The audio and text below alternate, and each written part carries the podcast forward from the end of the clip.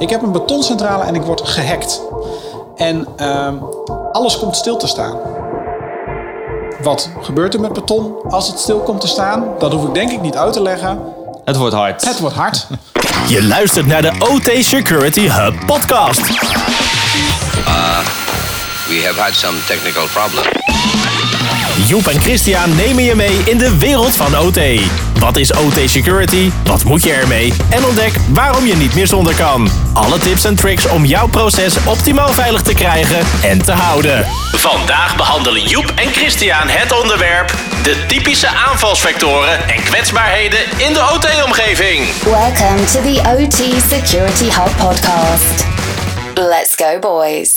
Welkom bij een nieuwe aflevering van de OT Security Hub podcast. De plek waar we dieper ingaan op de meest urgente en boeiende onderwerpen als het neerkomt op OT cybersecurity. Ik ben Joep van Heumen en samen met mijn collega Christian Glazen behandelen we vandaag het onderwerp de typische aanvalsvectoren en kwetsbaarheden in de OT-omgeving. Welkom weer. Ja, Zitten we weer.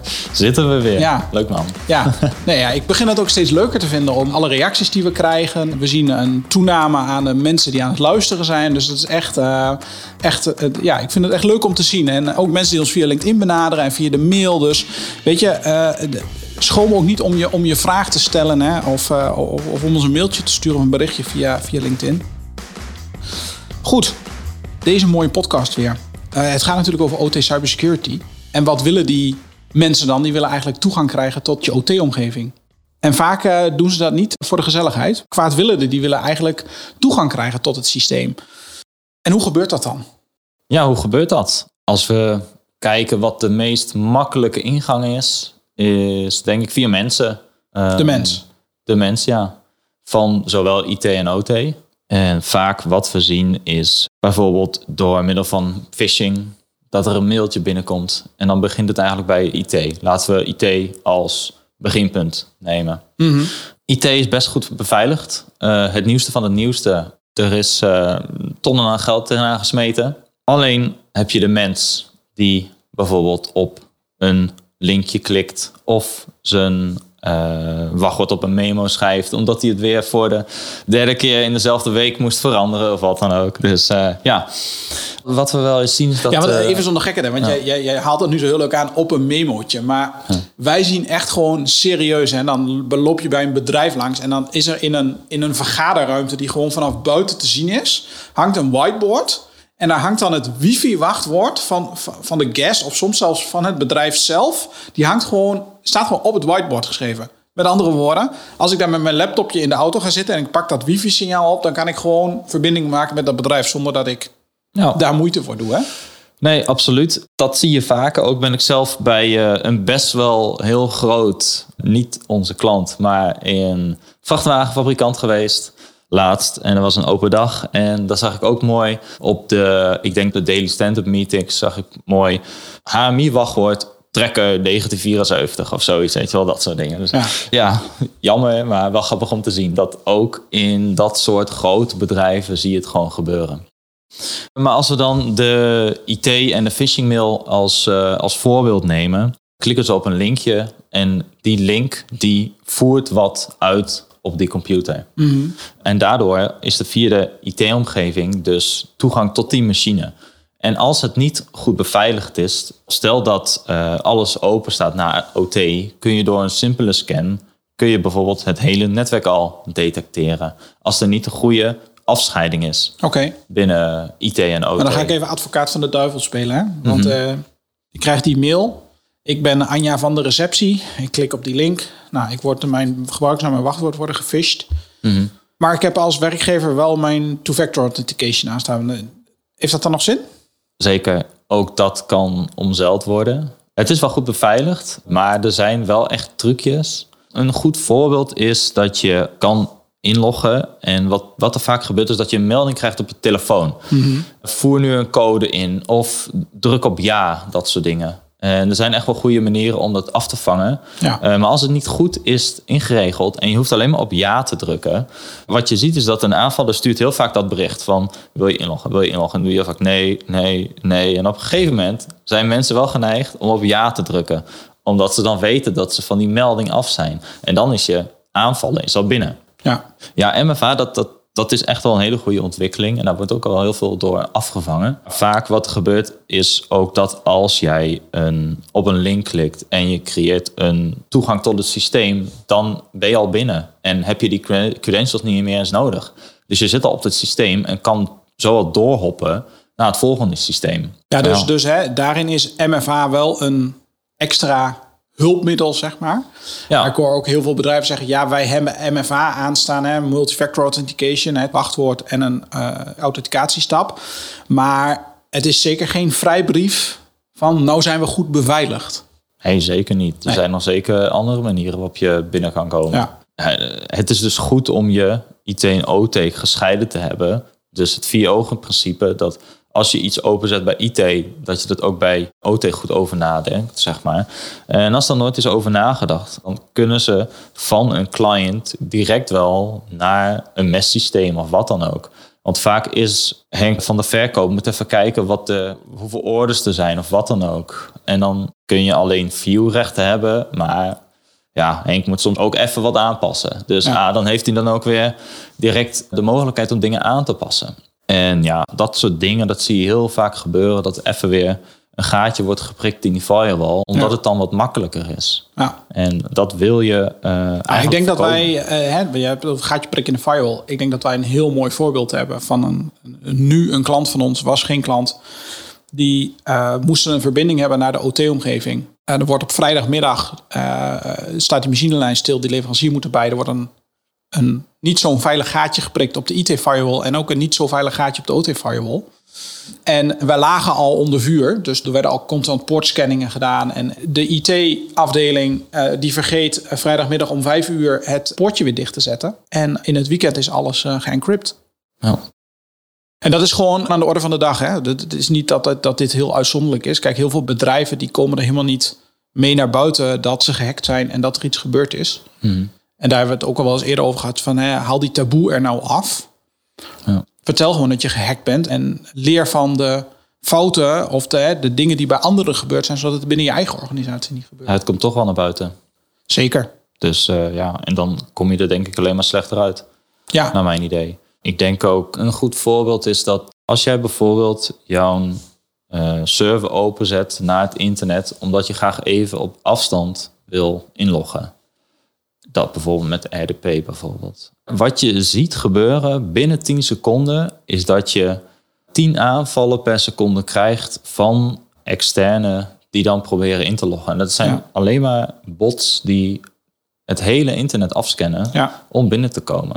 Zeker. En ja, als jij van de 2 miljoen keer er één uitpikt waar je binnen kan, dan ben je binnen. Dan kan je aan de slag. Ja. Maar goed, uh, ja, dat, dat is dan via de IT-manier. Maar we hebben natuurlijk ook andere dingen. En wil toch meer de focus op OT leggen nu. Ja. Daar hebben we het wel eens eerder over gehad. Maar daar hebben we de geïnfecteerde USB-sticks. Geïnfecteerde USB-sticks zijn eigenlijk, ja, ik vind geïnfecteerd, ja, is eigenlijk dat er gewoon iets op staat wat er niet op hoort. En dat er iets malfide wordt uitgevoerd. Ja. Het kan heel complex zijn in de vorm van een backdoor die jou van afstand toegang geeft tot jouw systeem. Vaak werkt deze niet omdat je niet direct aan het internet hangt. Als er geen directe internet op dat device is, dan kunnen ze er ook niet bij. Dus dan heeft die backdoor niet zo heel veel zin. Maar nu zijn er dus uh, ook andere USB-sticks. Een daarvan is Rubber Ducky. Dat is wel echt wel grappig om te zien wat er dan gebeurt. Wat die doet, is die simuleert eigenlijk uh, dat je je toetsenbord indrukt. Dus vaak wat er gebeurt is een geïnfecteerde USB-stick die wordt in de computer gedrukt. En vaak is een operator of wat dan ook al wel ingelogd wat je ziet is, je computer die begint van alles te doen. Uh, bijvoorbeeld het, het, afsluiten en het opstarten van dingen. Maar dat zijn simpele, gesimuleerde muisklikken of keyboard presses. Wat ze kunnen doen is bijvoorbeeld 10.000 keer klikken binnen een seconde zonder dat je het ziet. En dat er bijvoorbeeld een pomp of een klep open gaat als je bijvoorbeeld op een, een HMI aan het werk bent of zo. Ja, daarmee doen, ze, daarmee doen ze natuurlijk geen gerichte aanval. Nee. Maar zijn ze wel je OT-systeem aan het manipuleren of hè, op de achtergrond allemaal rare dingen aan natuurlijk. Kijk, het is, dit is geen stuksnet. Nee. Hè, die echt heel gericht op Siemens PLC's een bepaalde eh, aanval doet. Maar neem niet weg dat dit soort executables die dan gerund worden, dat die wel degelijk kwaad kunnen op je OT-systeem. Dit is niet eens eh, als we het over executables hebben. Vaak moet inderdaad wat worden uitgevoerd voordat een virus iets kan doen. Maar wat een rubber ducky doet, is die, je steekt hem erin en die wordt direct uitgevoerd. Ja. Ik vind het wel grappig om te zien, maar het is niet grappig. dat het eigenlijk zo, zo simpel is om eh, al je beveiligingssystemen te omzeilen. Je hebt een virusscanner, je hebt een, je hebt een EDR, noem maar op. Maar door een simpele USB-stick Ja. ehm, alleen maar keyboard presses simuleert. Ja. Ja, en dat is natuurlijk ook wel wat de hele komst met AI ook laat zien. Hè, is dat je tegenwoordig gewoon aan AI kan vragen van, nou ja, eh, doe maar eens even een stukje code voor A, B of C. En AI genereert het voor je. AI wordt op, op heel veel punten, op, op heel veel dingen heel goed en heel mooi ingezet. Maar hè, je ziet daarin in het cybersecurity landschap ook een verschuiving plaatsvinden. Dat het ook voor verkeerde dingen wordt ingezet. En dat is natuurlijk wel een kwalijke zaak. Zeker geïnfecteerde USB-sticks. Ik, eh, dit schiet me zo in één keer nu te binnen, maar ze hebben laatst, eh, of een hele tijd geleden, bij een klant van ons die op een industriepark zit, ook een test gedaan met, eh, en dat was dan van een ander bedrijf. Dit is ook een test met USB-sticks. Hè. Er werden USB-sticks verspreid. Alleen dat bedrijf was dus aan hun partnercollega's op het park vergeten te informeren dat ze een test aan het doen waren met, of een cy- cybersecurity test aan het doen waren met USB-sticks. Dus dat, die USB-stick die werd gevonden door iemand van een ander bedrijf en die werd daar in zijn laptop gedaan. En toen gingen natuurlijk gelijk alle alarmbellen af. En toen kwamen er nog drie mensen aanlopen met USB-sticks. En uiteindelijk bleek dus dat, dat het een, een security test was van een ander bedrijf, zeg maar. En maar daarin wil ik ook maar zeggen, kijk, dit zijn hele leuke tests om te doen hè, met USB-sticks. Om die door je fabriek heen te verspreiden en kijken, hey, wie pakken die dingen op?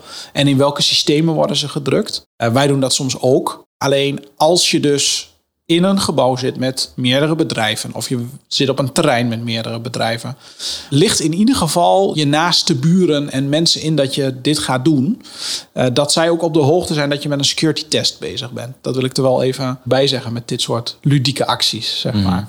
Ja, Want je kan je, eh, je collega's op eh, hoge kosten jagen hiermee. ja. Ja. Nee, zeker.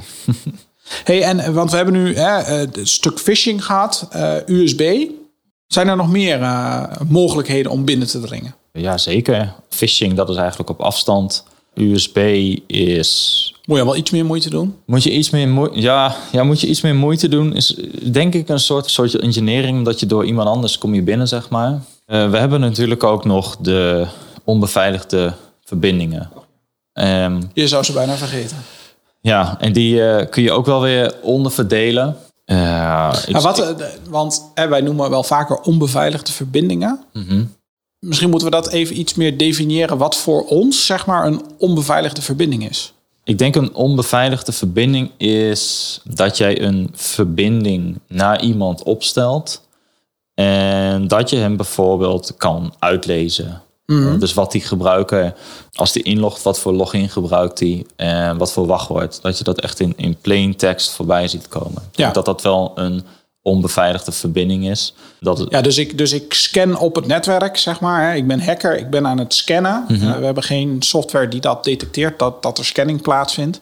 En ik zie in één keer allemaal pakketjes voorbij komen met gebruikersnamen en wachtwoorden. Hè. Dus ik Ja. heb geen security zitten, zeg maar, op de pakketten die over het netwerk heen verstuurd worden. Nee. Dat is een heel mooi voorbeeld ervan. Ja, Wat we natuurlijk ook nog hebben zijn onbeveiligde verbindingen van buitenaf. Want dit zijn onbeveiligde, weet je, wat we net aanhalen zijn eigenlijk onbeveiligde verbindingen binnen je, eigenlijk binnen je netwerk.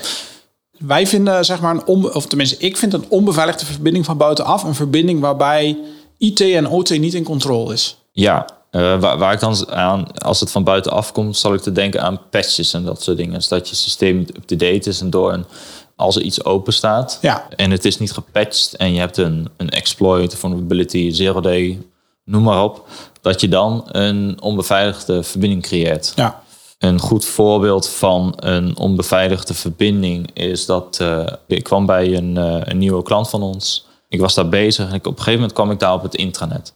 Ik was dus even aan het kijken en er was, stond allemaal nieuws, allemaal leuk en aardig. En die intranet website was beveiligd. Dat zag je het mooie slotje in, eh, in je adresbalk. Ik was er even aan het doorklikken en ik zag in één keer bij de links op die website staan messysteem. Op het intranet. eh, op het intranet. oh, nice. Dus het is wel handig dat ze gewoon als linkje aanbieden. Kan je Ja, dat is, dat is inderdaad makkelijk voor het, eh, voor het personeel. Dus ik klik op dat linkje en ik kom dus bij het messysteem. En het eerste wat me opvalt is dat het een onbeveiligde verbinding is. Het is HTTP en niet HTTPS. Dus ik dacht, oké, dan gaan bij mij al lang belletjes al rinkelen. Want eh, HTTP, wat dat betekent, is dat jouw wachtwoorden en loginnamen gaan gewoon plain text Ja. over je verbinding. Ja. En eh, die kan je dan uitlezen. Ja, je kan het eigenlijk heel mooi. HTTP en HTTPS. Ik zag laatst een heel mooi filmpje voorbij komen op LinkedIn. Daar moest ik wel lachen. Dan hadden ze security scan. Hè? Je gaat naar een festival toe, security scan. En HTTP, zeg maar, die voelt even aan je mouwen en die zegt, nou, loop maar door. En HTTPS, die wil in je tas kijken. Die voelt aan je mouwen, aan je benen en je jas. Die wil je jaszakken zien, noem het al. Die wil eigenlijk. Die je bijna HTTPS wil alles van je weten. En dat is eigenlijk even in Jip en Janneke taal eh, het verschil tussen een niet beveiligde verbinding en, een, en een beveiligde verbinding. Ja. Ja. Ik moet er wel bij zeggen dat ik had een laptop van een bedrijf. Dat had ik al wel. Dus ik was interne medewerker daar. Dus ik had toegang tot de resources. Ja, maar goed, als jouw laptop gehackt is, zeg maar. En Ja. ze kijken op jouw laptop mee, dan ja. Ja. Nee, maar goed. Daar kom ik zo weer op terug, want het wordt nog leuker. Oh, Ehm, ik was bij die mesomgeving en ik dacht, ik ga het maar gewoon een keer proberen. Admin, admin. En verrek, ik was binnen. nee joh. Ja, ik dacht, oeh, dit is eh, niet hoe het hoort. Dus eh, ik ben toen ook direct naar de CISO gelopen en ik zeg, Herman, dit kan echt niet. En, eh, Herman is fictieve naam. en, eh, Niet dat jullie allemaal gaan zoeken op Herman binnen ons LinkedIn contacten. Nee, die, nee, en, eh, en Herman die, eh, die zegt tegen mij, nee joh, is het echt waar? Ik zeg, ja, kijk maar, doe maar zelf. Hier, ga er zelf maar even heen. Ik uh, laat je Hij zegt, nee, dat kan echt niet. Maar je Dus, had met eh, admin, admin, hè, je kwam in de applicatie, had je ook echt adminrechten? Ik had adminrechten. Ik kon eh, alle orders kon ik eh, verwijderen. Alles selecteren toevoegen. telt. Ja, dat eh kon je allemaal doen. stil. Ja, hele fabriek stil. Ja, ja, ja. Ja, nee, goed, in principe... je bent je eh, orders ja, kwijt. Dus dat, je gaat niet meer produceren. Nee. Dus Ja. ja. Er wordt dan geen sticker meer geprint. Nee. Dus eh, nou, toen zijn we ook wel direct aan de slag gegaan, dat wel. En ze hadden binnen IT hadden ze als beveiliging hadden ze certificaatbeveiliging. Dus als je ergens naartoe wilde, dan staat er dan een certificaat op je laptop en dan kun je naar het internet of naar andere systemen toe. Dus ik dacht, oké, op het MES-systeem zit geen certificaat. Dus toen heb ik mijn iAutomation laptop gepakt, niet intern, heb ik die in de muur geplukt kon ik direct naar dit IP-adres met poort van het MES-systeem. Dan kon ik ook inloggen met admin-admin. Omdat niet werd gecontroleerd of je dat certificaat op je laptop had. Dat had geen zin, want het is HTTP en geen HTTPS. Dus kortom, iedere persoon die daar naar binnen komt lopen met een laptop en een internetkabel en die in de muur prikt, komt bij het MES-systeem en met admin-admin inloggen. Ik vind het wel heel bijzonder dat dat daar altijd goed is eh, gegaan. Ja. Maar goed. Ja. Ja, maar sommige klanten of sommige bedrijven die balanceren ook op het randje afgrond. Hè? En dan zeg Ja. maar, en de ene keer gaat het goed. Komen wij, komen zij er op tijd achter. Wordt het security lek gedicht en dan, nou oké, we go business as usual. Maar er zijn ook gewoon heel veel voorbeelden waarbij- ze wel die afgrond indonderen. En dan hoop je dat je je backups op orde hebt. Hè? ja, nee, klopt. Maar dit is wel een heel mooi praktijkvoorbeeld van stap 1, stap 2, stap 3. Hè? Nou ja, goed, jij bent zelf ook ethical hacker, hè? dus je weet hoe en wat. En dat dan gelukkig zo'n bedrijf dat ook wel adopteert op zo'n moment, dat je met zo'n melding komt en, en dat ze er iets mee gaan doen. Ja, In plaats van je gelijk terugduwen je hok in en van dit had je helemaal niet mogen weten. ja. Nee, precies. Nee, dat werd eh, wel goed opgepakt. Ja. En eh, daarna direct ook wel verder gekeken. En die, ja, werd eigenlijk wel direct actie ondernomen van... oké, we gaan dit meenemen in de volgende update. Dat we hier echt iets mee moeten doen. En het mooie daarvan is... eh, dat hadden we dus de volgende meeting hadden we dat besproken. En dat mocht echt met niemand worden verteld. In die volgende update kwamen we erachter van... oké, wil jij een beveiligde verbindingen opzetten... dan moet je ook je systeem updaten. Eh, moet je ook je service updaten. Moet je ook dit doen. En het was gewoon dat die omgeving daar heeft 20 jaar stilgestaan. Geen update of wat dan ook. Ja. En dan komt het met zo'n klap binnen... Ja. dat je weer misschien wat tonnen moet uitgeven om op niveau te komen. Ja. Toen zei ik, ja, wat wil je dan als je 20 jaar hebt stilgestaan? Die 20 jaar heb je niks uitgegeven. Dus ja, Nee. natuurlijk komt het als een klap over. Ja. Als je daar dan naar kijkt, hè, want, want die klant heeft een probleem eigenlijk. Hè, die, die omgeving is niet up-to-date. Als we dus die beveiligingen naar een hoger niveau heen willen tillen, dan moeten we dit en dit en dit en dit en dit doen. Daar zijn deze kosten mee gemoeid. Zijn er dan ook workarounds, zeg maar, om ervoor te zorgen dat die applicatie op dat moment toch vulnerable blijft, terwijl je aan de voorkant eigenlijk wel een beveiligde verbinding aan gaat bieden? En nou denk jij natuurlijk, waar wil die naartoe? Ja, ik, natuurlijk kan ik me wel iets bedenken. Maar, Maar, kijk, eh, ja. we, we hebben het hier daar niet echt over. Maar ik ga toch even een heel klein zijstapje daarin maken. Mhm. Hè, vooral, eh, we gaan het hier in een, verdere afle in een latere aflevering over hebben. Maar je zou die applicatie, ook al is het een, een IT-applicatie... wel bijvoorbeeld achter een, eh, een PAM-solution kunnen hangen. Mhm. En dan is het... Ik gooi weer een hele mooie term erin. PAM. eh, Privileged Access Management. Waar, eh, dat is eigenlijk een stuk software waar je op in kan loggen... en waar alles wat je doet gemonitord wordt. En je dus ook commando's kan afvangen of foute logins kan afvangen. Waardoor je eigenlijk je gebruiker naar een website heen laat gaan waar die op in moet loggen. Ook weer met eventueel multifactor authentication en bepaalde rechten. En waarin je hem dan eigenlijk een, ja, een tegel geeft waar hij op kan klikken. En dat hij dan naar de. Dus je zet er eigenlijk een soort applicatie voor. Die die beveiligde verbinding voor jou gaat voorzien. Dus, dus de, hè, er zijn wel daarin meerdere wegen die naar Rome leiden. Ja. Eh, En vooral ook als een klant dan zegt van ja, ik heb nu geen, nu geen tijd om daar twee ton aan uit te geven. Of, hè. Want als je Ja. voor mes-applicaties, dan ga je wel vaak richting de wat hogere bedragen als dat allemaal Ja. geüpdate moet worden. Ja, Nou, en een ander mooi voorbeeld is eh, het opnemen van een sessie. Als een gebruiker inlogt op het systeem, dan wordt je volledige sessie wordt gewoon opgenomen. En eh, ja, op zich vind ik dat ook wel grappig, want dan kan je in ieder geval zien wat is er gebeurd. En dan kun je ook zien waar is het fout gegaan Ja. bij ons in het systeem dan. ja, Dat eh, is ook een hele mooie oplossing. ja. En vaak zie je dat al wel aan de IT-kant, eh, tot het is geïmplementeerd. Omdat je eh, vaak via, via een, een Azure-omgeving kom je binnen op het systeem. Eh, maar voor OT nog niet. Maar dan kan je dat al wel opvangen. Dat je Ja. in ieder geval de stappen ziet voordat je bij OT komt. En dan kun je het dan weer dichtzetten. Hey, en zijn er dan nog eh, andere eh, specifieke methoden die vaak gebruikt worden? Ja, specifieke methoden. Ik weet wel een hele goede website waar je gebruik van kan maken. Heb je niet van mij gehoord. Maar het is gewoon publiekelijk toegankelijk. Het is bij de meeste ethical hackers of hackers echt wel bekend. En dat is Shodan. Shodan, dat is eh, ja, een soort Google waar je kan zoeken eh, naar systemen.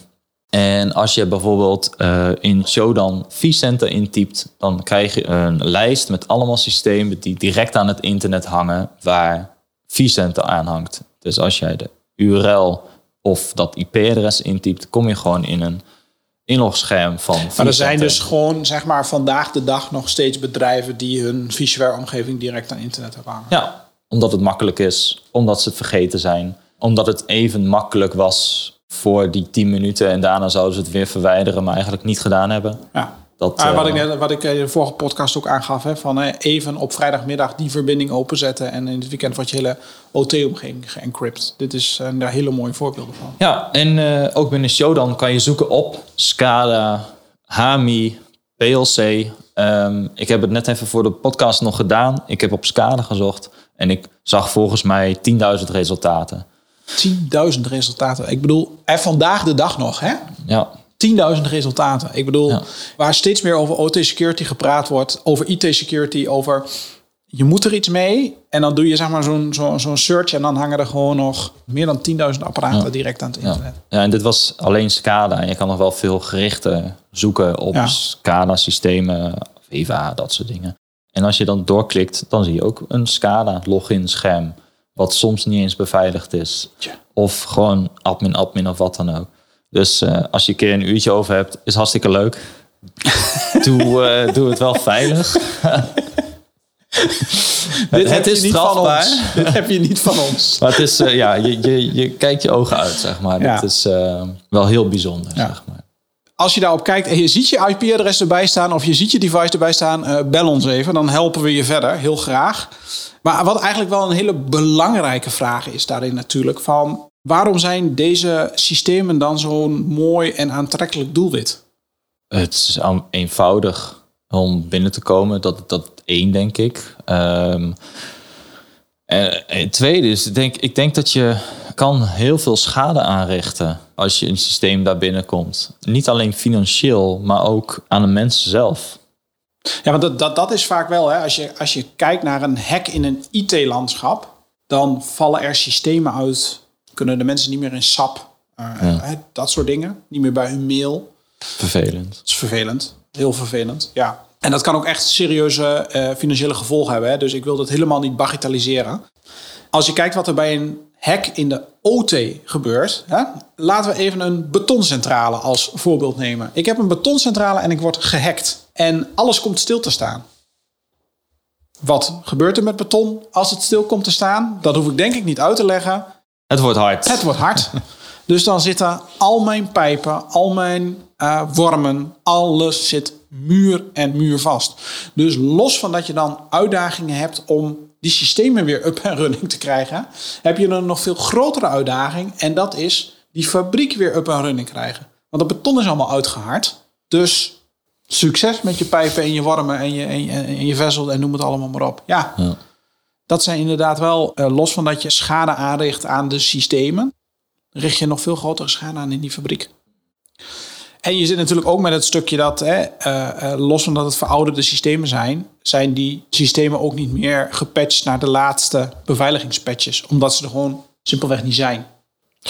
Nee, dat, dat houdt een keer op. Ja. En dan moet je je dan maar verdedigen aan de voorkant. Ja. En ja, daar hebben we het ook wel vaker over gehad. eh, dat, je, dat er wel een aantal dingen zijn wat je kan doen. Ja, zorg ervoor dat die voordeur goed dicht zit. Hè? En, Ja, dat nee. je de en dat je de achterdeur niet open hebt staan. ja precies. Hè. het, het, is, het gaat toch wel aan beide kanten. Ook eh, net zoals het voorbeeld van net van de Robert Ducky USB-systemen. Ook intern, als iemand binnen is. Gewoon een simpel, simpele slot op een kast. En niet bij een cijferslot eh 666 of 000 gebruiken. Ja. Doe, doe, doe even, je, even je best. Ja. Nee, ja, helemaal eens. Vaak wordt het, wordt het altijd wordt het vergeten. En dan, Ja. ja. Hey, ik denk dat we, dat we gaan afronden. Ja. Ik vond het weer een mooi gesprek. Ja. We hebben verschillende dingen behandeld hier. Hè? Eh, Typische aanvalsgedrag, kwetsbaarheden. We hebben iets verteld over Shodan. Hè? Over hoe je dat, wat je daar allemaal kan zien. Ehm, Waar je zou kunnen beginnen. waar je zou kunnen beginnen. Ja, we hebben ook iets eh, verteld over eh, hey, hoe komen ze nou vaak die OT-omgeving binnen? Eh, waar moet je op letten? Wij willen jullie allemaal weer bedanken voor het luisteren naar de OT Security Hub podcast. Vergeet even niet eh, de poll op de LinkedIn-pagina in te vullen. Want we zijn heel erg benieuwd wat jullie eraan doen eh, aan OT cybersecurity en, en hoe het leeft binnen de organisatie. Ja, ik denk dat het leuk is om de volgende keer een vraag te behandelen. Ja, ik denk dat we dat moeten doen inderdaad. Want, want we behandelen, of we, ja, we gaan wel direct in op vragen die we krijgen. eh, gewoon op de mail of op de chat. Alleen ik denk dat we inderdaad volgende keer eens een, eh, een rondje vragen moeten doen die we zo al binnenkrijgen. Dat is inderdaad een goeie.